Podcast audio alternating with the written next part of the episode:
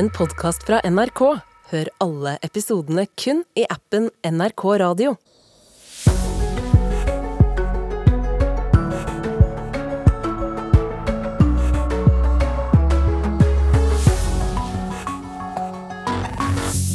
Og dette er Nyhetsmorgen på plass i romjula, og sammen med Dagsnytt skal vi oppdatere deg og snakke mer om dette i løpet av denne tirsdagsmorgenen.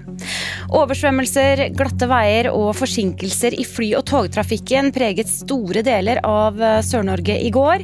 I dag blir forholdene bedre i sør, mens det urolige været flytter seg nordover. I USA har ekstremvær gjort jula vanskelig for mange. I delstaten New York er minst 28 mennesker funnet døde etter kraftig snøvær. Fra neste år justeres kjøregodtgjørelsen kraftig opp. Til nå har godtgjørelsen stått stille, mens utgiftene har skutt i været. Det er altfor lite. Altfor lite. Det, det dekker jo så vidt dieselen eller bensinen som vi har. Og en julefeiring helt uten restriksjoner har vi eh, lagt eh, bak oss. Likevel hører vi om at stadig flere blir influensa- og covid-smittet. Straks er assisterende helsedirektør Espen Rostrup Nakstad her og gir oss siste oppdatering på smittesituasjonen i Norge akkurat nå. Dette er Nyhetsmorgen som er på plass fram til klokka er ni. Jeg heter Ida Kjøstelsen. Men vi starter med været. Oversvømmelser, glatte veier og forsinkelser i fly- og togtrafikken eh, preget store deler av Sør-Norge i går. Og i dag blir forholdene bedre på Sørlandet og Østlandet, men det urolige været flytter seg lenger nordover. Og reporter Håkon Nesse Morå, hvordan ser det ut på veiene i dag? Det ser litt bedre ut enn eh, det det gjorde i går. Det er ikke like glatt, særlig på Sør- og Østlandet. da, eh, Og entreprenørene de har fått strødd litt eh, mer i løpet av natten og på morgenkvisten, sier Veitrafikksentralen. Men det er fortsatt litt sånn etterslep etter ting som må ryddes opp i går. Så det er jo bedre i dag enn det det var hvor, på gårsdagen, hvor både fly Flyene ble forsinket, og det var flere problemer på, med tog. Eh, og det var jo mange ulykker. Blant annet var Morten Lund en av de som endte opp med å skli ut i grøfta med bilen sin, og han forklarer det som en guffen opplevelse. Ja, altså når du først føler at bilen begynner å tippe på sida, så har du lyst til å være et annet sted. For å si det på den måten. Ja, Er det mange som skal ut på veiene i dag?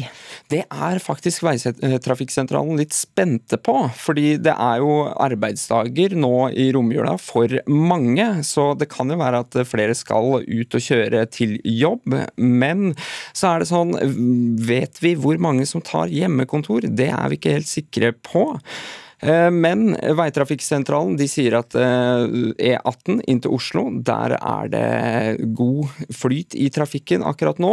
Og de ber også folk som skal fra øst til vest i landet, eller motsatt, å være forsiktig og sjekke fjellovergangene før de skal ut på tur. Mm. Og hvor mye vær og vind kan folk vente seg i dag? Jeg tok også en prat med eh, meteorolog Christian Gislefoss. Han sier at i Trøndelag så starter dagen med mildvær, og så kommer snøvær uværet utover dagen. Så det uværet som holdt på eh, her på Sør- og Østlandet, det beveger seg nordover, men det har roet seg lite grann. Gislefoss han har noen råd til de som skal ut av døra i løpet av dagen. Nullføre det, er, det kan være utfordrende i seg selv, det altså. Så eh, her lønner det seg å ta seg god tid i trafikken. Også gående. Vurder brodder. Det, det, var vel fort eh, menneskets beste venn på Østlandet og Vestlandet i går, altså. Og ellers på Sør- og Østlandet så eh, har det jo roet seg, og det blir ikke like glatt. Det er faktisk sol, eh, mulighet for sol og gode skiforhold. På Vestlandet der regner det fortsatt, og det kan komme en god del snø, særlig litt inn fra kysten. I Nordland så er det relativt rolig vær, men det kan komme en god del vind i de nordligste fylkene utover dagen. Takk skal du ha, reporter Håkon Nesse Morå. Du følger med på trafikken for oss nå i morgentimene. Også i USA har ekstremvær gjort jula vanskelig for mange. I delstaten New York er minst 28 mennesker funnet døde etter kraftig snøvær som har skapt livsfarlige kjøreforhold og har lammet områder rundt storbyen Buffalo. USA-korrespondent Tove Bjørgaas sier uværet er ekstremt. Det har falt 1 meter og 20 cm snø i dette området rundt Buffalo på bare et par-tre dager. Eh, og det er en enorm snømengde som har altså gjort det livsfarlig å bevege seg utendørs mange steder. Og flere tusen mennesker er også uten strøm. Og så er det altså eh, Nå sier de bare i området rundt Buffalo at de har funnet eh, 28 mennesker døde i løpet av eh, de siste dagene. Ja, hvordan har eh, disse omkommet?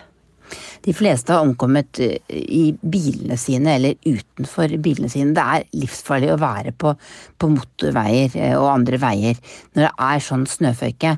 Så eh, det, Redningsmannskapet sier at de har funnet minst syv mennesker inni biler, og en god del mennesker utendørs. Og så har det også vært mennesker som har dødd i sine egne hjem av gassforgiftning i forbindelse med oppvarming, og også et par som har dødd av, av hjerteattakk i forbindelse med snømåking. Og dette er jo et område som altså er vant til snø. Hvor ekstremt er dette uværet? Dette er det største snøfallet på 50 år i dette området i USA. og Det er også en del av det spesielle værfenomenet som vi har hatt her i jula, eh, som kalles for en bombesyklon, hvor temperaturen faller veldig, veldig raskt på veldig kort tid. Og så er det også mange steder det har kommet mye snø. Det har spredt seg fra vest til øst, dette her uh, uværet. Uh, men 50 år er, er, er, lenge, og i dette området av landet så er de ganske vant til mye snø. Men det er helt ekstremt det de har opplevd denne jula. Guvernøren i New York, Katie Huckle, hun har vært ute og snakket om at dette handler om klimaendringer. Tror hun at man må bli vant til at man kommer til å få flere sånne voldsomme snøfall i, årene framover. Og president Biden lovet i natt hjelp til innbyggerne i området. Hva slags hjelp er det størst behov for? Nei, nå er det rett og slett eh, å få unna denne snøen. Og det skal komme enda mer snø også i dag. Mange steder så er eh, supermarkedene stengt, folk får ikke tak i mat. Det er altså mange tusen som er uten strøm, og det er jo dessverre også sikkert enda flere som har omkommet, som man ikke har funnet ennå. Så, så, det er eh, krisehjelp som Biden nå har, har lovet til eh, dette området. Eh, og så er det også advarsler som kommer fra myndighetene om å fortsette å være forsiktig, for her skal det komme enda mer snø. Og det sa USA-korrespondent Tove Bjørgaas. Så skal vi høre at fra neste år oppjusteres eh, kjøregodtgjørelsen kraftig. Godtgjøringen for å bruke egen bil i jobb har stått stille i ti år, mens utgiftene har eh, skutt i været. Det merkes for avisbud Joakim Austeslott. Ræva. For å være helt ærlig. Det. det har vært sånn veldig lenge også sier Joakim Austeslott. Hver dag og i all slags vær legger han ut på avisrunden i Ålesund i sin egen bil. Og Vi begynner da å laste opp aviser, og så begynner vi da med pakker. Men nå er det så vidt han tjener penger på jobben. Kjøregodtgjørelsen på 4 kroner og 3 øre per kilometer har stått stille i ti år. Samtidig som prisene generelt har økt med omkring 30% Det er altfor lite altfor lite det, det dekker jo så vidt dieselen eller bensinen som vi har. Godtgjørelsen skal dekke utgifter til bil og dekk, vedlikehold, forsikring, verditap, eventuelt lån og drivstoff. 2022 eh, for meg eh, i år har vært eh, katastrofe, for å si det mildt. Det... Og i år har spesielt bensin og diesel blitt dyrt. For avisbudet og alle andre som bruker egen bil i jobben. Det går ikke sånn som det er nå. Og avisbudet i Ålesund får støtte fra eksperthold. Det er ingen tvil om at utgiftene for lengst har løpt fra godtgjørelsen. Det sier økonomirådgiver Espen Ørn i HR-selskapet Simployer. Altså Bilkostnadene har jo økt jevnt og trutt gjennom eh, de siste årene. Men eh, denne satsen har jo da stått stille og til og med gått ned, sånn at gapet mellom det de ansatte får per kilometer og det det faktisk koster, har bare blitt større og større. Det betyr at man taper øh, penger da, med, ved å stille bil til disposisjon for arbeidsgiver når man er på yrkesreiser. Kjøregodtgjørelsen fastsettes hvert år i forhandlinger mellom LO Stat og regjeringa. Tidligere i desember kom det en aldri så liten julegave. Satsen settes opp fra 4 kroner og 3 øre per kilometer til 4 kroner og 48 øre neste år. Så Det at vi nå får et byks er jo selvfølgelig et steg på veien, men det vil fortsatt være ganske stort etterslep her. Fremskrittspartiet satt i regjering det meste av tida da kjøregodtgjørelsen sto på stedet hvil. Men finanspolitiker Roy Steffensen vil ikke være med på at bilistene ble flådd av Frp. Vi ser jo at eh, på enkelte områder så har det blitt eh, dyrere å bruke bil. Eh, men i den perioden hvor vi var i regjering, så valgte vi å satse på en del andre ting som er viktige for bilistene. Det handla om å satse mye på å bygge veier, vedlikeholde veier. I Ålesund er Joakim Austeslott usikker på hvor lenge han vil fortsette som avisbud. Du skal ikke betale for å jobbe. Du, du går på jobb for å tjene penger, ikke for å betale til bedriften. Reportere her var Christian Skårdalsmo og Trond Vestre. En julefeiring og romjul helt uten koronarestriksjoner, det har vært realiteten i eh, norske hjem i år. For mens vi i fjor eh, både måtte forholde oss til antallbegrensninger på gjester, avstand på en meter rundt festbordet og spriting i tide og utide, har vi i år kunnet feire jul på normalt vis. Og Espen Rostrup Nakstad, det har vel vært befriende også for en assisterende helsedirektør? Jo, det hadde vært fint å, å slippe å tenke på dette med antall gjester og alle disse reglene. Så det har nok vært en mer normal julefeiring for de aller fleste, håper jeg. Mm. Likevel så hører vi altså at flere har vært syke nå i jula. Både av influensa og korona, RS-virus har vi hørt om, og halsbetennelser. Hvor mye smitte er det i samfunnet akkurat nå? Det er ganske mye mer enn det pleier å være i et normalår, også når vi ser før pandemien. Og, og, For det første så kommer ting litt tidligere enn vanlig, fordi influensaen pleier å toppe seg liksom når det er ordentlig vinter, sånn januar-februar. Nå har vi fått veldig mye i desember, både av influensa, men også covid-19 og RS-virus, som du sier, og mye annet. Og Når vi ser på innleggelsestallene i sykehus også, så er de uh, veldig høye. Mye høyere enn de pleier å være på denne årstiden. Og det domineres av uh, særlig covid-19 fortsatt, med 700 personer i uka som legges inn enten pga. det eller med det. Det er omtrent halvparten av hver. Og så er influensa med 400 innleggelser som øker mest. Eh, sånn at det merker man godt på norske sykehus. Og Hvordan takler eh, norske sykehus pågangen akkurat nå? Man har jo gode planer vanligvis for influensasesongen. og Man justerer aktivitetsmønsteret i norske sykehus vanligvis i januar og februar hvert og eneste år. Men nå kommer det litt tidligere, og det kommer mer. Og det er klart Dette er ganske tøft eh, på toppen av en høst hvor det har vært mange andre innleggelser også. Vet vi noen årsak til at det kommer før? Nei, det er, har vært en kald senhøst og, og, tidlig vinter, og vi lever jo veldig normalt. og Da får vi et spredningsmønster av virus eh, som er egentlig som normalt, men kanskje kommer litt tidligere enn før pga. vær og, og sånne ting. Og så er det jo det sammenfallet av disse flere typene virus da, som gjør det. Hadde vi ikke hatt covid nå, så kan vi si at vi kanskje ikke hadde reagert så mye på det, ikke merket det så godt i norsk helsetjeneste. Men fordi covid fortsatt står for såpass mange innleggelser, i tillegg til influensa og andre ting, så merker man summen av alt det samtidig. Mm. Så hører vi også at færre enn ønsket har tatt influensavaksinen, også blant helsepersonell, og færre enn antatt har tatt fjerde dose med koronavaksine. Hvorfor? Nei, Det skyldes nok til dels at er, vi er litt lei alle sammen dette med vaksiner. og Folk har jo vært flinke og tatt vaksiner nå som de har blitt anbefalt i to år. Eh, og Så tenker man kanskje at man kan se det litt an. og Særlig når det gjelder denne fjerde dosen, så kan det være gode grunner til det også.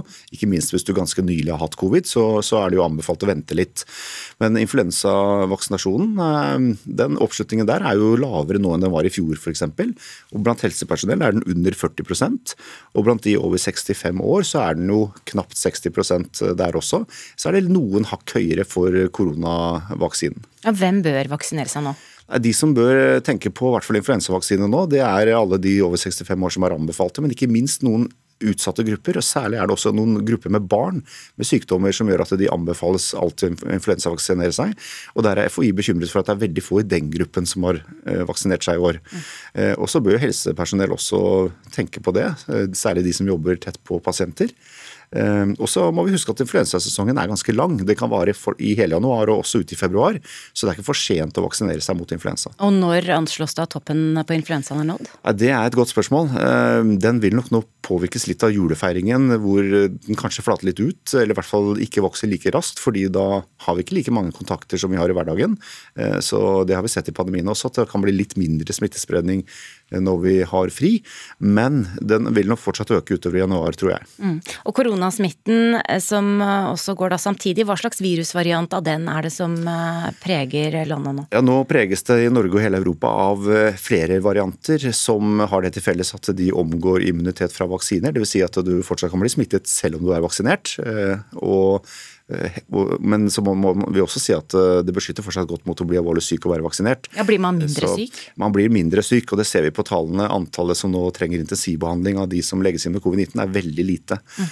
Så det har effekt, men det stopper ikke smittespredningen, dessverre. Så er det jo alarmerende eh, saker som skjer i Kina. Eh, landet har gått fra null covid-strategi til å nå leve med viruset. Er det grunn til å bekymre seg for koronaviruset eh, i Kina kan mutere og skape farligere varianter som kan spre seg til Norge? Du, du kan si at uh, fordi immuniteten i den kinesiske befolkningen er lavere enn i resten av verden, uh, veldig få har vært syke, og det er lenge siden uh, mange ble vaksinert, og veldig få har blitt vaksinert med flere doser også, det gjør at viruset får en lettere vei gjennom befolkningen og vil sannsynligvis ikke endre seg like mye som det nå gjør i resten av verden. Mm. Og Sånn sett er ikke vi så bekymret for, for Kina i seg selv. Takk skal du ha, assisterende direktør Espen Rostrup Nakstad.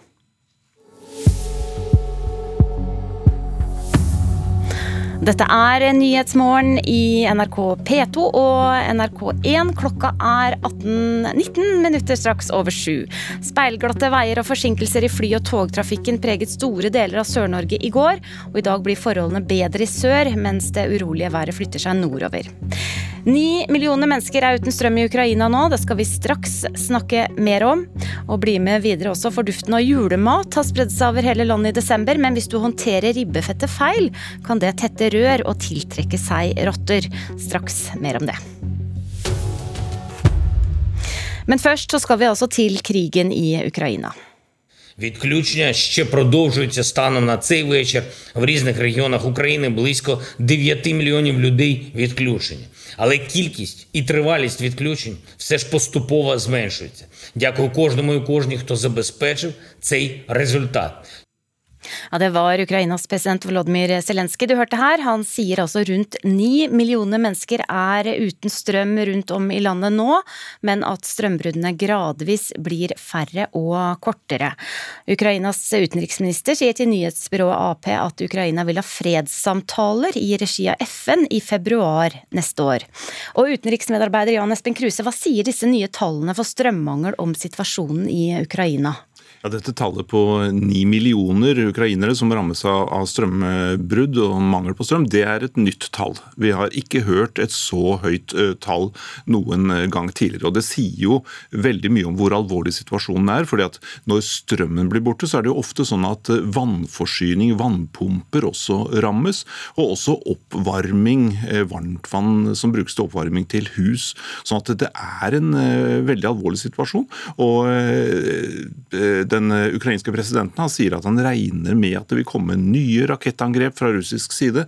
og Det vil eh, sannsynligvis igjen bety at, eh, at energiforsyningen og infrastrukturen i Ukraina kommer til å, å, rammes på nytt. Men han har det positive med seg at reparasjoner pågår, og at strømutkoblingene blir korte fortere etter hvert som tiden går nå. Mm.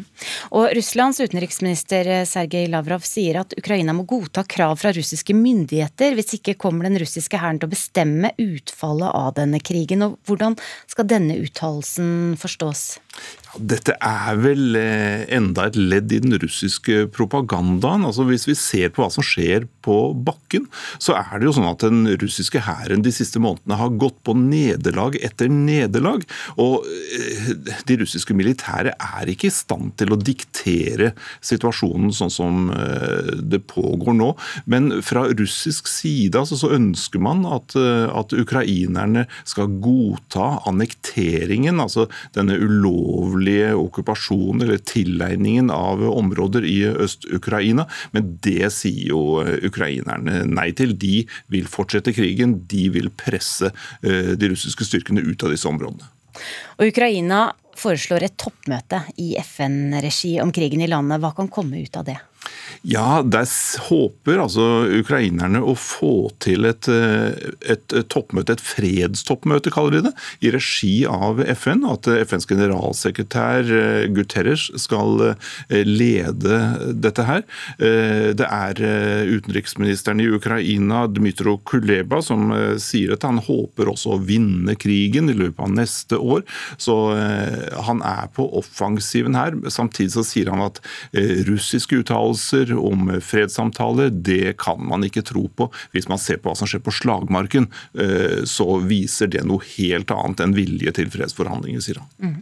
Ukraina ber om at Russland fratas plassen som permanent medlem eh, med vetorett av FNs sikkerhetsråd, og hvor realistisk er det? Ja, Dette kravet har ukrainerne kommet med flere ganger, og det er nok ikke så veldig realistisk. For da måtte man rett og slett omorganisere hele FN-systemet. Altså bygge opp eh, FN på nytt. Eh, det, men, men altså, argumentet fra ukrainsk side er at russerne med sin angrepskrig i Ukraina har vist at de ikke er verdige å sitte i Sikkerhetsrådet og kunne nedlegge veto. Ja, takk skal du ha, utenriksmedarbeider Jan Espen Kruse. Vi skal eh, skifte tema totalt nå. I løpet av jula og dagene derpå skyller vi nemlig fett fra ribba, pinnekjøtt og annen julemat ned i avløpet. Denne festen av fett kan legge seg på innsiden av rørene, tette dem og være med på å fø sultne rotter. Med oss har vi Tormod Holen, du er avdelingsingeniør i vann- og avløpsetaten i Oslo. God morgen. God morgen. Hvor stor skade har fettet fra denne julematen gjort, hvis vi skal oppsummere til nå i romjula? Da sjekka jeg litt i går hva vaktlaget vårt bl.a. har hatt å gjøre disse dagene, og det, det, ser ut som det har gått ganske greit. Altså. Ja, Så dette er noe folk er bevisst på? Det virker som at folk kanskje har blitt flinkere. Men det er klart vi har noen problemområder i, i Oslo. Ja, hva er det? spesielt ute på Holmlia og Romsås, og spesielt nede på Grønland. Der er det mye restauranter som kanskje er litt løsslupne med, med, fettet sitt. Mm. Og hva er det som skjer hvis vi skyller ned dette fettet, Hol? Ja, det renner jo fint unna så lenge man bruker nok varmt vann. Men det, det blir jo kaldt ganske fort. Og da vil det bygge seg på i veggene i røra dine, og da etter hvert så det bli, kan det bli helt tett. da. Mm. Så det kan nesten sammenlignes med det som skjer i stekepanna? dette her? Ja, det blir jo det. Hvis mm. du lar det stå noen timer i panna, så ser du hvor mye det blir. Og dette kan altså få konsekvenser, for dette er noe bl.a. rotter eh, tiltrekkes av? Ja, det er jo en fest for rottene, det også å få dette fettet servert rett i labba. Ja. Og hvordan merker man at det er problemer med rørnettet eh, i en husholdning? Vi kan jo merke at det renner saktere unna når du da drar ut proppen i vasken eller, eller trekker ned i do. Da. Mm. Og hva skal man gjøre da med fettet istedenfor? Det, det er vel lurt å tørke det av med tørkepapir så godt som mulig. Både panner og, og tallerkener. Og så hive de i restavfallet. I søpla, rett og slett? Ja. ja. Men hvis man har store mengder, da, for det kan jo Det skjer jo at man har litt rester og man har prøvd å bruke det opp, men så er det litt igjen. Hva, hva gjør man med det? Hvis det fortsatt er flytende, så kan du helle det opp i en tom melkekartong annet, og la det stivne der, og så kanskje teipe igjen den, og så legge inn i restavfallet. Mm. Dette er jo noe man snakker om uh, hvert år, uh, Holen, og det kan jo virke på deg som at folk er blitt flinkere. Men uh, dette med rotter i større byer, altså hvor stort kan egentlig problemet bli hvis man ikke følger rådene dine, da? Nei, det, det kan jo klart bli et problem etter hvert. Men så langt så har jo Rottene er jo stort sett nede i ledningsnettet, så det Jeg har ikke hørt om mange tilfeller hvor de har kommet opp. Nei. Men er disse rottene glad i fettet? Ja, altså rottene spiser alt. Alt som kommer i avløpet. Ja. Og hvis man da er uheldig og får et rotteproblem, eh, eh, og røret er tett, hva, hva, skal man gjøre da? Nei, altså Hvis røret er tett, så er jo det beste å ringe til oss med en gang. Så drar vi ut og sjekker hovedledningsnettet, i hvert fall, og så kan vi avgjøre om det er problem hos oss eller hos innringer. Mm. Og får dere noen sånne telefoner i løpet av høytida? Ja, det er klart det kommer, det. Ja. Det var gode råd hvert fall å ta med seg på veien. Og det virker jo som folk har blitt litt eh, flinkere, da. Ja da, det er, folk er nok det. Takk skal du ha, Tormod Holen, som er altså avdelingsingeniør i vann- og avløpsetaten i Oslo. Vi skal videre nå til Finnøy i Rogaland. Det går med mye strøm på Finnøy, som produserer en tredel av tomatene her i landet. Men nå kan Finnøy bli helt selvforsynt med ren, fornybar energi. Nå ser vi på det, det nye anlegget som skal klare å bli helt fossilfritt. Det er en liten verdenssensasjon vi holder på med her. Daglig leder Jan Terje Vignes ved Lausnes gartneri viser oss rundt på anlegget på Finnøy. Når tomatplantene skal settes inn i drivhusene i januar, er det ut med fossil gass og inn med ren fornybar energi for å holde 30 000 kvadratmeter veksthus med lys og varme. Jeg vil bli fossilfri. Ja, det vil jeg. Og jeg, vil, eh, jeg, tror, eh, jeg tror det òg er framtida. Ryfylkeøya står for en tredel av tomatproduksjonen i Norge, og hele Finnøy kan nå bli selvforsynt med strøm og samtidig bli fossilfri. Multiconsult har beregna at dette er fullt mulig, sier rådgiver Håkon Persson. Ja, vårt studie viser at det er fullt mulig. Det viser til med at det er flere måter å gjøre det på. Dypere sett så skal du bare produsere en konkret mengde strøm og en konkret mengde varme fra fornybare kilder. Sola skinner ofte over Finnøy, som har 150 000 kvadratmeter med tak som kan dekkes med solcellepaneler. Dette tilsvarer arealet til 21 fotballbaner. Supplerer du med litt vindkraft, bioenergi og samtidig setter inn strømsparetiltak, har du nok strøm til å dekke dagens behov, og dette kan løses raskt, mener Persson i Multiconsult. Det bør være mulig å være i mål i 2026. Jeg ser ikke en grunn til om vi ikke kan være det. Eh, når det gjelder det med å få ut det fossile i oppvarmingssystemet, så der er det jo sannsynligvis mer å bare få det gjort. Lokalpolitiker Birger Vikre Hetland er begeistra over eh, framtidsutsiktene som Multiconsult peker på i sin rapport. Han tror det ikke blir stor motstand, selv om det kommer tusenvis av kvadratmeter med solcellepaneler og vindmøller. Vi skal jo ikke plassere alle vindmøllene eller, eh, eller, solcellene sånn at det står i veien for noen som helst. Vi skal finne de gode løsningene som gjør at, eh, at vi plasserer de eh, på hensiktsmessige plasser. Så jeg tenker dette går, dette går fint. Ja, reporter her var Gunnar Morsund. Vinter i P2. Hele livet har jeg forsøkt å finne plassen til sånne som meg. Jeg er Rawan Ismail, politiker, skeiv og kurder. Men en natt i sommer nullstilte alt da en som meg forsøkte å drepe sånne som meg. Vinter i P2. I dag klokka ni.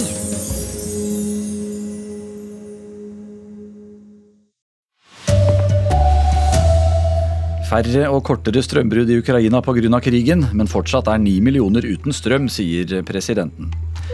Fortsatt vanskelige kjøreforhold flere steder. Nå flytter det urolige været seg nordover. Fra neste år så blir det billigere å bruke egen bil på jobben. God morgen, her er NRK Dagsnytt. Klokka er 7.30. Og Først så skal det handle om krigen i Ukraina. Відключення ще продовжуються станом на цей вечір. В різних регіонах України близько 9 мільйонів людей відключені. Але кількість і тривалість відключень все ж поступово зменшується. Дякую кожному і кожній, хто забезпечив цей результат. Var Ukrainas president Volodymyr Zelenskyj dørte her. Han sier rundt ni millioner mennesker er uten strøm rundt om i landet nå men at strømbruddene gradvis blir færre og kortere. Ukrainas utenriksminister sier til nyhetsbyrået Ap at Ukraina vil ha fredssamtaler i regi av FN i februar neste år. Utenriksmedarbeider Jan Espen Kruse, hva sier disse nye tallene for strømmangel om eh, situasjonen i Ukraina? Eh, tallet 9 millioner som er rammet av strømbrudd, det har vi ikke hørt før. Det er det høyeste noensinne i eh, denne krigen. Så det viser eh, hvor alvorlige disse russiske rakettangrepene er. Hvordan de skader strømforsyningen. Det rammer jo igjen vannforsyning, oppvarming osv. Men den ukrainske presidenten sier at det er lys i tunnelen ved at reparasjonene går som planlagt. Russlands utenriksminister eh, Sergej Lavrov han sier Ukraina må godta krav fra russiske myndigheter. Hvis ikke så kommer den russiske hæren til å bestemme utfallet av krigen. Eh, hvordan skal denne uttalelsen forstås? Det høres ut som enda mer russisk propaganda, for den russiske hæren har jo gått på e, det ene nederlaget etter det andre i denne krigen, særlig de siste månedene. sånn at den er ikke i stand til å diktere betingelser lenger. sånn at det er nok litt urealistisk fra russisk side, og det avfeies fra ukrainerne, som sier at de vil aldri godta at russerne har annektert eller ulovlig tilegnet seg områder i Øst-Ukraina. Takk skal du ha, utenriksmedarbeider eh, Jan Espen Kruse. Utfordrende kjøreforhold, forsinkelser for tog og flyreisende og flere ulykker var en del av eh, trafikkbildet i går. I dag så blir eh, forholdene bedre på, i Sør-Norge, men det urolige været flytter seg mot nord. Reporter Håkon Nesse Morå, hvordan ser det ut på veien i dag? Det er bedre forhold i dag mange steder. Det er ikke like glatt, og entreprenørene har fått strødd mer i løpet av dagen, sier Veitrafikksentralen. Det er fortsatt litt etterslep på ting som må ryddes opp etter gårsdagen på Sør- og Østlandet, og det kan fortsatt være glatt flere steder. Ja, er det mange som skal ut og kjøre i dag? Det er faktisk Veitrafikksentralen litt spente på. Det er jo arbeidsdager for mange nå i romjula, men det er fortsatt mange som tar hjemmekontor nå, selv om det ikke er noen spesielle koronarestriksjoner. Så hvis du skal ut og reise, sjekk fjellovergangene og kjør forsiktig. Ja, hvor mye vær og vind kan folk vente seg i dag? Meteorolog Christian Gislefoss han sier at eh, Trøndelag de starter dagen med mildvær, og så kommer det snø utover dagen. Uværet som har holdt på sør og øst, det har roa seg litt eh, før det kommer nordover. Men Gislefoss han har noen råd til de som skal ut av døra på disse glatte veiene. Nullføre det, er, det kan være utfordrende i seg selv, det altså. Så eh, her lønner det seg å ta seg god tid i trafikken. Og så gående Vurder brodder. Det, det, var vel fort eh, menneskets beste venn på Østlandet og Vestlandet i går, altså.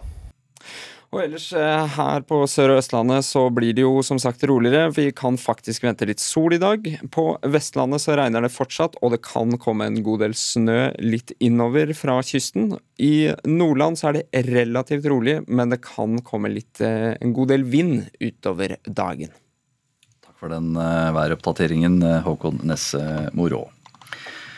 I USA så har eh, dårlig vær i jula fått enda verre konsekvenser enn her. I delstaten New York så er minst 28 mennesker funnet døde etter kraftig snøvær, forteller USA-korrespondent Tove Bjørgaas. Det har falt 1 meter og 20 cm snø i dette området rundt Buffalo på bare et par-tre dager. Flere tusen mennesker er også uten strøm. Og så er det altså Nå sier de bare i området rundt Buffalo at de har funnet 28 eh, mennesker døde i løpet av eh, de siste dagene. De fleste har omkommet eh, i bilene sine eller utenfor bilene sine. Det er livsfarlig å være på, på motorveier eh, og andre veier når det er sånn snøføyke. Redningsmannskapet sier at de har funnet minst syv mennesker inni biler eh, og en god del mennesker utendørs. Og så har det også vært mennesker som har dødd i sine egne hjem av gassforgiftning i forbindelse med oppvarming, og også et par som har dødd av, av hjerteattakk i forbindelse med snømåking sa vår eh, USA-korrespondent Tove Bjørgaas. Og USAs president Joe Biden han eh, har nå gitt grønt lys for krisehjelp til eh, denne delstaten New York etter et omfattende uværet som da rammer først og fremst Buffalo. Fra neste år så oppjusteres kjøregodtgjørelsen kraftig, men godtgjørelsen for å bruke egen bil i jobb har stått stille i ti år. I mellomtiden så har utgiftene skutt i været for avisbudet Joakim Austeslott. Ræva. Sier Joakim Austeslott. Hver dag og i all slags vær legger han ut på avisrunden i Ålesund i sin egen bil. Og Vi begynner da å laste opp aviser, og så begynner vi da med pakker. Men nå er det så vidt han tjener penger på jobben. Kjøregodtgjørelsen på 4 kroner og 3 øre per kilometer har stått stille i ti år. Det er altfor lite. Altfor lite. til det, det dekker jo så vidt dieselen eller bensinen som vi har. Godtgjørelsen skal dekke utgifter til bil og dekk, vedlikehold, forsikring, verditap, eventuelt lån og drivstoff. Det går ikke sånn som det er nå. Det er ingen tvil om at utgiftene for lengst har løpt fra godtgjørelsen. Det sier økonomirådgiver Espen Ørn i HR-selskapet Simployer. Gapet mellom det de ansatte får per kilometer og det det faktisk koster, har bare blitt større og større. Det betyr at man taper øh, penger da, med, ved å stille bil til disposisjon for arbeidsgiver når man er på yrkesreiser. Tidligere i desember kom det en aldri så liten julegave. Satsen settes opp fra 4 kroner og 3 øre per kilometer til 4 kroner og 48 øre neste år. Fremskrittspartiet satt i regjering det meste av tida da kjøregodtgjørelsen sto på stedet hvil. Vi ser jo at eh, på enkelte områder så har det blitt eh, dyrere å bruke bil. Eh, men i den perioden hvor vi var i regjering, så valgte vi å satse på en del andre ting som er viktig for bilistene. Sa til slutt FrPs finanspolitiker Roy Steffensen. Reportere her det var Christian Skårdalsmo og Trond Vestre. Aldri før så har det blitt registrert så mange biler i desember. Tesla har nå gått forbi Volkswagen som mest registrerte bil i løpet av et kalenderår i Norge. Tesla modell Y har hittil nådd opp i 16 839 registreringer i Norge. Og Dermed er den over 50 år gamle rekorden fra 1969 til Volkswagen type 1, for de fleste mest kjent som Bobla, blitt passert ifølge tech.no. 2022 har vært et år med mange dramatiske nyheter og kriser, inkludert eh, en full krig i et europeisk eh, land. Men hvilke positive ting har året brakt? Ute i Oslos gater så mener Katrine Seten Eliassen at vi har kommet nærmere hverandre. Gode stunder med familie og venner som sitter sterkest. Fellesskapet er sterkere, Tap av natur bekymrer mange, men før jul ble det enighet om en global naturavtale for økt bevaring. Et viktig vendepunkt, sier professor i bevaringsbiologi ved NMBU, Anne Sverdrup Tyggeson. Og det er virkelig en livreddende julegave til, til oss alle. Det er mye bra. Marianne Heum går i retning Karl Johan, og tenker på hvordan folk hjelper hverandre i krisetider. Det er mange som eh, er fattige. Ja. Og, men det er mange mennesker som stiller opp som frivillig. Og det syns jeg er kjempeviktig. Rådhusklokkene i Oslo spiller 'Carol of the Bells' utover byen. Stortingspresident Masud Gharahkhani kommer en tur ut på Løvbakken. Han er glad for solidariteten med Ukraina han har sett i året som har gått. Har denne krisesituasjonen og krigen også skapt et større samhold her inne i salen? Absolutt, det ser jeg jo. At vi står sammen uh, i å støtte Ukraina. Det gjelder alle politiske farger, det gjelder storting og regjering. På Stortorvet går Ola Marius Poppe en tur mellom juletreselgerne. Han er også glad for noe annet som skjedde nå i desember. At Argentina vant fotball-VM. Vi har venta i 36 år, vi som er over 36 år. Reporter her, det var Lars Håkon eh, Pedersen. Dag Dørum har ansvaret for NRK Dagsnytt i dag. Jeg heter eh, Anders Borgen Werring.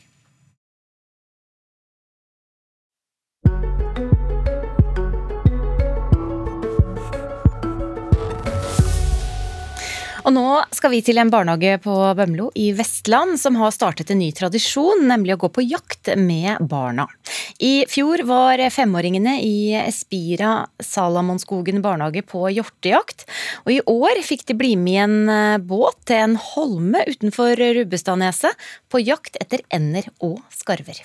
Kan dere ta nevene utpå sånn, sant? og holde sånn?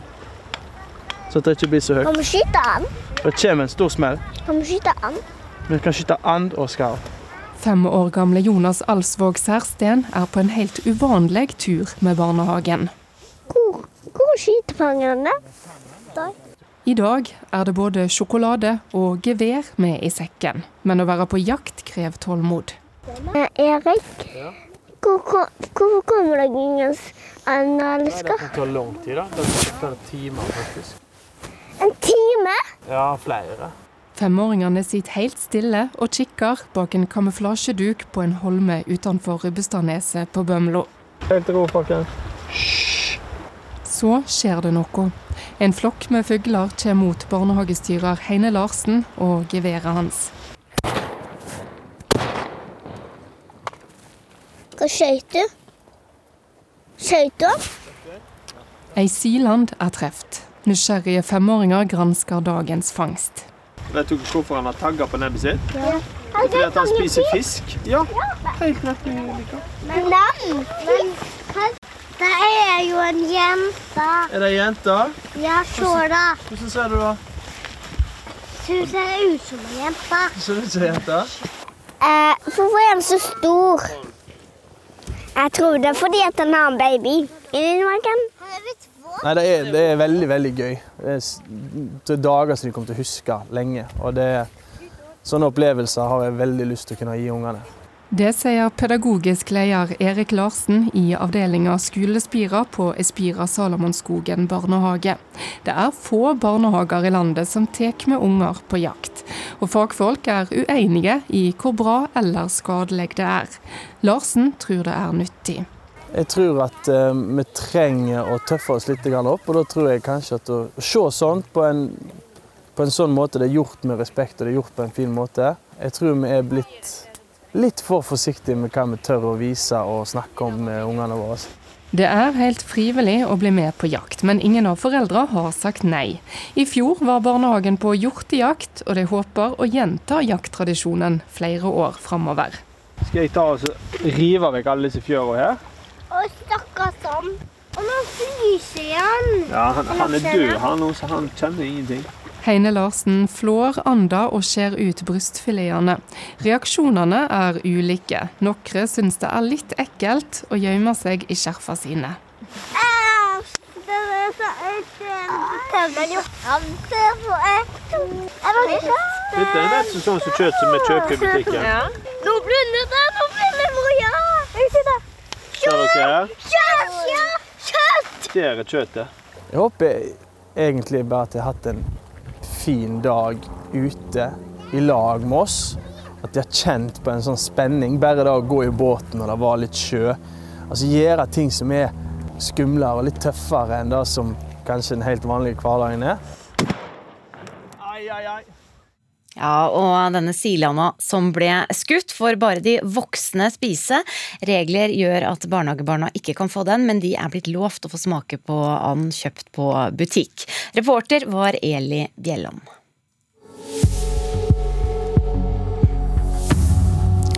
Klokka er 7.44. Dette her er Nyhetsmorgen. Straks blir det Politisk kvarter, men vi skal eh, ta med oss et par av våre hovedsaker. Færre og kortere strømbrudd i eh, Ukraina pga. krigen, men fortsatt er ni millioner uten strøm. Det sier president Volodymyr Zelenskyj. Fortsatt er det også vanskelige kjøreforhold flere steder. Nå flytter det urolige været seg nordover. Og USA har eh, ekstremvær gjort jula vanskelig for mange. I delstaten New York er minst 28 mennesker funnet døde etter kraftig snøvær. Og fra neste år blir det billigere å bruke egen bil på jobben. Da justeres kjøregodtgjørelsen kraftig opp. Nå blir det Politisk kvarter her. Trond Lydersen har hatt sentralbanksjef Ida Wolden Bakke på besøk.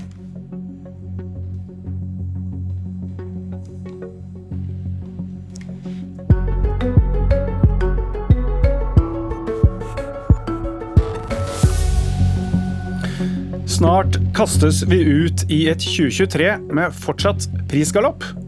Eller stopper den opp? Og hvem er det egentlig som skal droppe kjøp og sørge for at butikkene må kappes om oss, og ikke vi kappes om varene?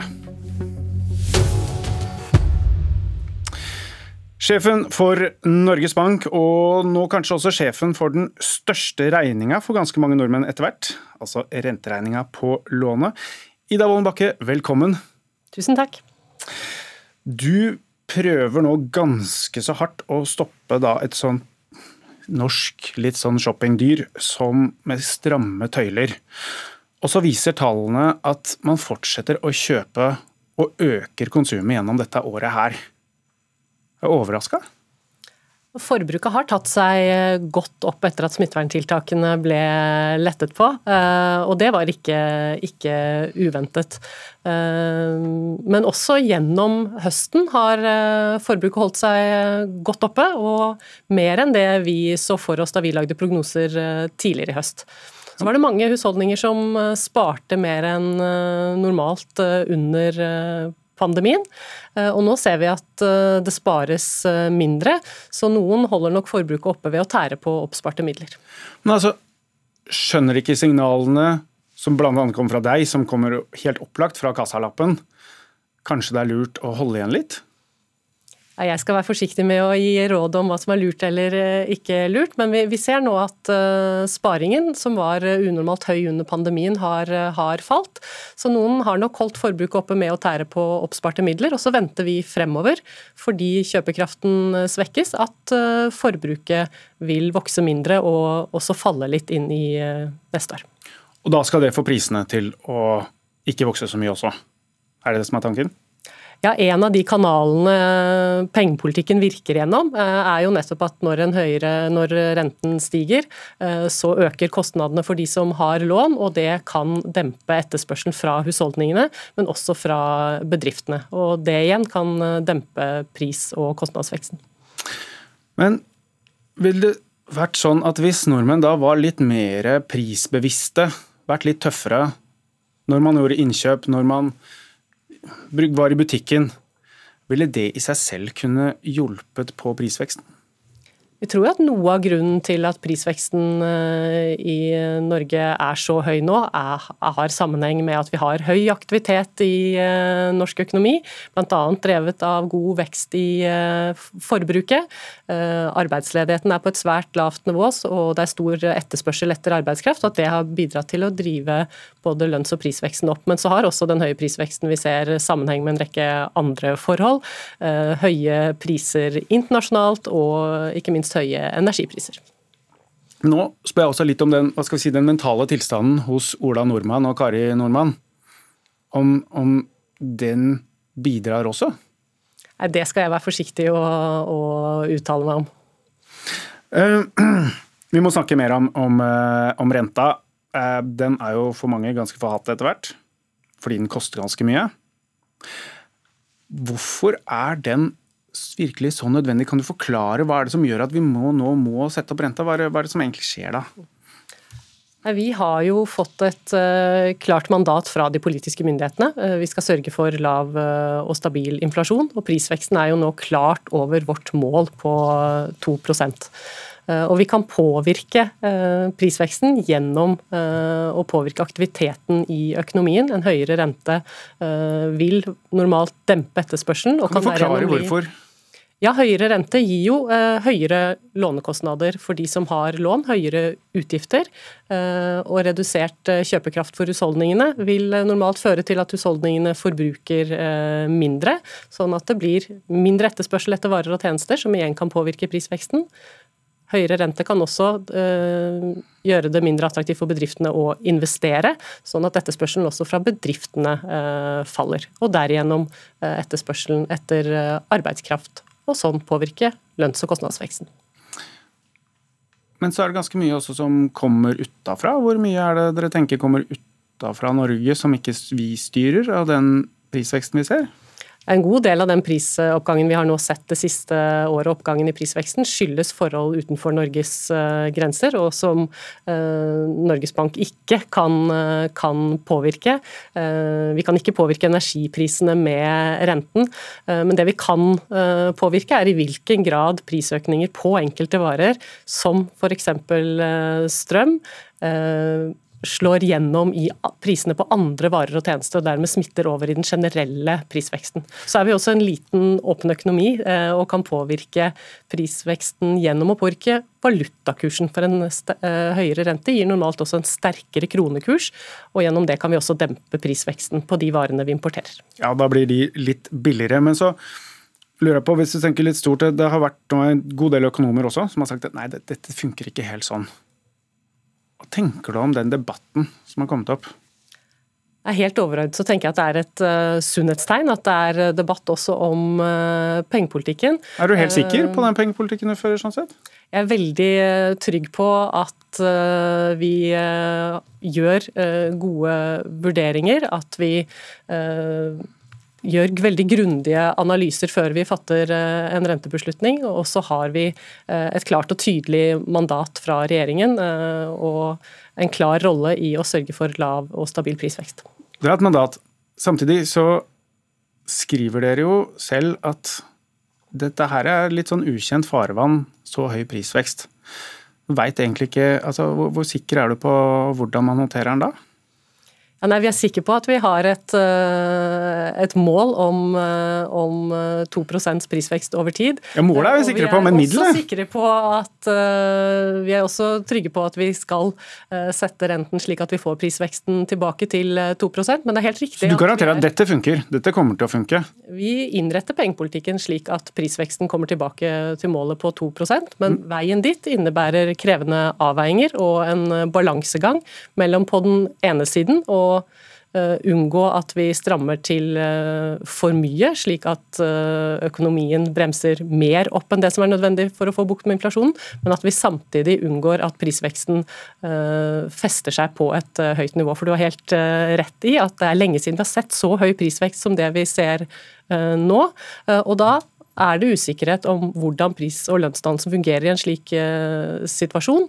Uh, og vi er på vakt mot at uh, folk begynner å venne seg til at prisveksten er høy, og planlegger for det når de fastsetter utsalgspriser eller avtaler lønninger, som kan gjøre det mer krevende å få prisveksten ned igjen senere. Det, det pristallet dere kanskje nesten ser mest på, altså man ser på hvor mye prisene vokser, og så tar man bort en del av disse energiprisene, som du sier, det kan vi ikke styre. Og så hvis man gjør noen avgiftsendringer som kommer fra, fra myndighetene, det tar det heller ikke med. Den, du, det regner jo ikke med at den renta kommer til å virke på den neste år, den skal jo ikke gå ned?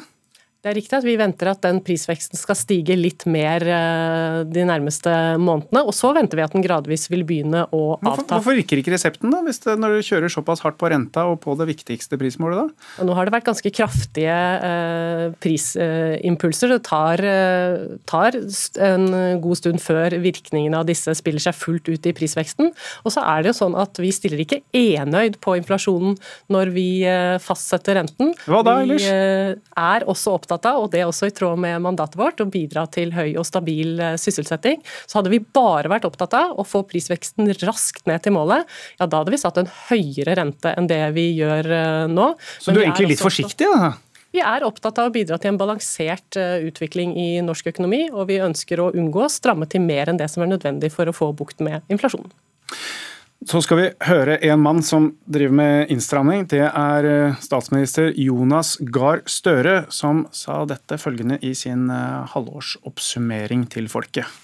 Dersom vi bruker mer penger, vil det øke presset i økonomien i en situasjon der Norges Bank forsøker å stramme til. Og Vi kan ikke ha det slik at Norges Bank strammer til på én del av økonomien, og så kaster vi på køl på den andre eh, enden. Det kommer til å ta oss feil vei. Du og regjeringen, er det lagarbeid? Det er riktig at uh, bruken av uh, penger over de offentlige budsjettene er et av flere forhold som påvirker temperaturen i norsk økonomi og utsiktene for norsk økonomi, og dermed påvirker uh, renteutsiktene. Så har vi også en klar arbeidsdeling. Det er de folkevalgte som bestemmer både hvor stor pengebruken skal være, og ikke minst hvilke prioriteringer de gjør innenfor de rammene. Og så har vi fått et særlig ansvar for å sørge for lav og stabil prisvekst med de virkemidlene vi har.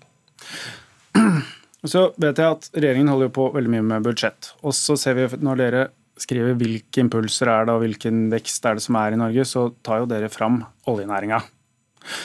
Og der skal aktiviteten på norsk sokkel, spår dere at det kommer til å, i målt i milliarder, øke altså 20-30 milliarder de neste to årene. Har det noe å si om de pengene er, skjer sånn ved at det private, eller for så vidt statlig eide selskaper, bruker de pengene osv. i forhold til renta, enn om de hadde vært brukt over statsbudsjettet. Generelt er det sånn at uh, ulike tiltak og hvordan de finansieres uh, over budsjettene har betydning for virkningen på økonomien. Når det gjelder uh, investeringene på norsk sokkel, så venter vi at de vil øke ganske markert i årene fremover. Og det er noe av det som vil holde aktiviteten i norsk økonomi oppe. Ok, Så da driver egentlig den biten som skjer ute på norsk sokkel og drar veldig i motsatt retning av det egentlig regjeringen med statsbudsjettet og du med renta forsøker å gjøre? Jeg vil ikke si at det drar veldig i motsatt retning, men det er et av eh, de forholdene som bidrar til at eh, etterspørselen i norsk økonomi holder seg eh, oppe. Men 20-30 milliarder der, Og så sier man man kan ikke bruke 5 milliarder mer på et statsbudsjett. Det, hvordan, hvordan, kan man tenke sånn i forhold til pengebruken? Jeg skal overlate til de folkevalgte å vurdere hvilke tiltak dette, som er mest er hensiktsmessige. Og så vil jeg understreke at uh, hvilken påvirkning ulike tiltak har, det avhenger både av innretningen på tiltakene og ikke minst hvordan de finansieres. Renta den rammer jo i stor grad folk som har et boliglån, og kanskje de som har sånn middels og halve inntekt. Noen kan, vi kan kanskje grovt si de som sitter eh, nest nederst og tredje nederst noen ganger ved bordet. Um, er det de, altså en vanlig folk som ikke har veldig høy inntekt, som egentlig nå må stramme kraftig inn for å få på plass denne prisveksten? Høyere rente gir eh, høyere utgifter for de som har eh, lån. Hvis vi ser på tallene, så er det slik at både i kroner og øre, og som andel av inntekten, så vil renteutgiftene øke mest blant de med høyest eh, inntekter. For det er de som også har Blant disse vi også finner gruppene med, med høyest eh, gjeld. Er det de du venter også vil stramme inn mest? Ja, vi venter at, eh, og vi legger til grunn at, eh, at eh, hvor mye gjeld en husholdning har, vil påvirke i hvilken grad de strammer inn på konsumet. Så er det selvfølgelig andre forhold som spiller inn også. I hvilken grad man har oppstart, oppsparte midler å tære på, er også avgjørende. Så, men hvis jeg forstår det riktig, er det de som har, er mest vel off, de som har mest, som dere tror kommer til å stramme inn, eller er det de som faktisk kjenner renteskruen mest fordi de har en lav inntekt, som skal få ned trøkket i norsk økonomi og, og prisveksten? Eh, pengepolitikken virker eh, bredt. Den påvirker eh, de høyere rentene, påvirker nå alle som har lån, og i hvilken grad de må gjøre tilpasninger avhenger også av en rekke forhold, som jeg var inne på. Nett, også hvor mye oppsparte midler man har. Så er det jo også sånn at de, de raske og uventede prisøkningene vi nå har sett, de rammer nok i større grad de som i utgangspunktet har lave inntekter og minst å gå på. Og så må vi ha en kort tur innom det kjære temaet som alle nesten snakker om hele tiden nå, strøm. Strømpris. Altså Også for en sentralbank. Så høy prisvekst på strøm, det er et sjokk. Dere skal ha stabilitet. Hvis dette varer lenge, er dette en trøbbelfaktor for norsk økonomi? De prisøkningene vi nå ser, bl.a. På, på strøm, de er jo svært store. De er betydelig større enn det vi har eh, sett i, i årene bak oss, og de påvirker utsiktene for, eh, for, prisveksten, eh, som nå er høyere enn det vi har sett på, på flere tiår. Og da er det en risiko for at Eh, folk begynner å venne seg til nettopp at, at prisveksten er høy, som kan gjøre, til, gjøre, at prisveksten biter seg fast og blir mer krevende å få ned igjen på et senere tidspunkt. Så Det er en risiko vi er eh, opptatt av, eh, og som vi forsøker å ta hensyn til i pengepolitikken. Har du en liten rentehilsen til bekymrede og ikke fullt så bekymrede nordmenn? Hva renten vil bli eh, neste år, det vil avhenge av den økonomiske utviklingen. Men går det som vi nå tror, så kan styringsrenten bli satt litt eh, videre opp i løpet av de første månedene av neste år, eh, og bli liggende rundt 3% i 2023. Liten rentehilsen der, altså. Tusen takk, Ida Wolden Bakke. Dette var Politisk kvarter. Du har hørt en podkast fra NRK. Hør alle episodene kun i appen NRK Radio.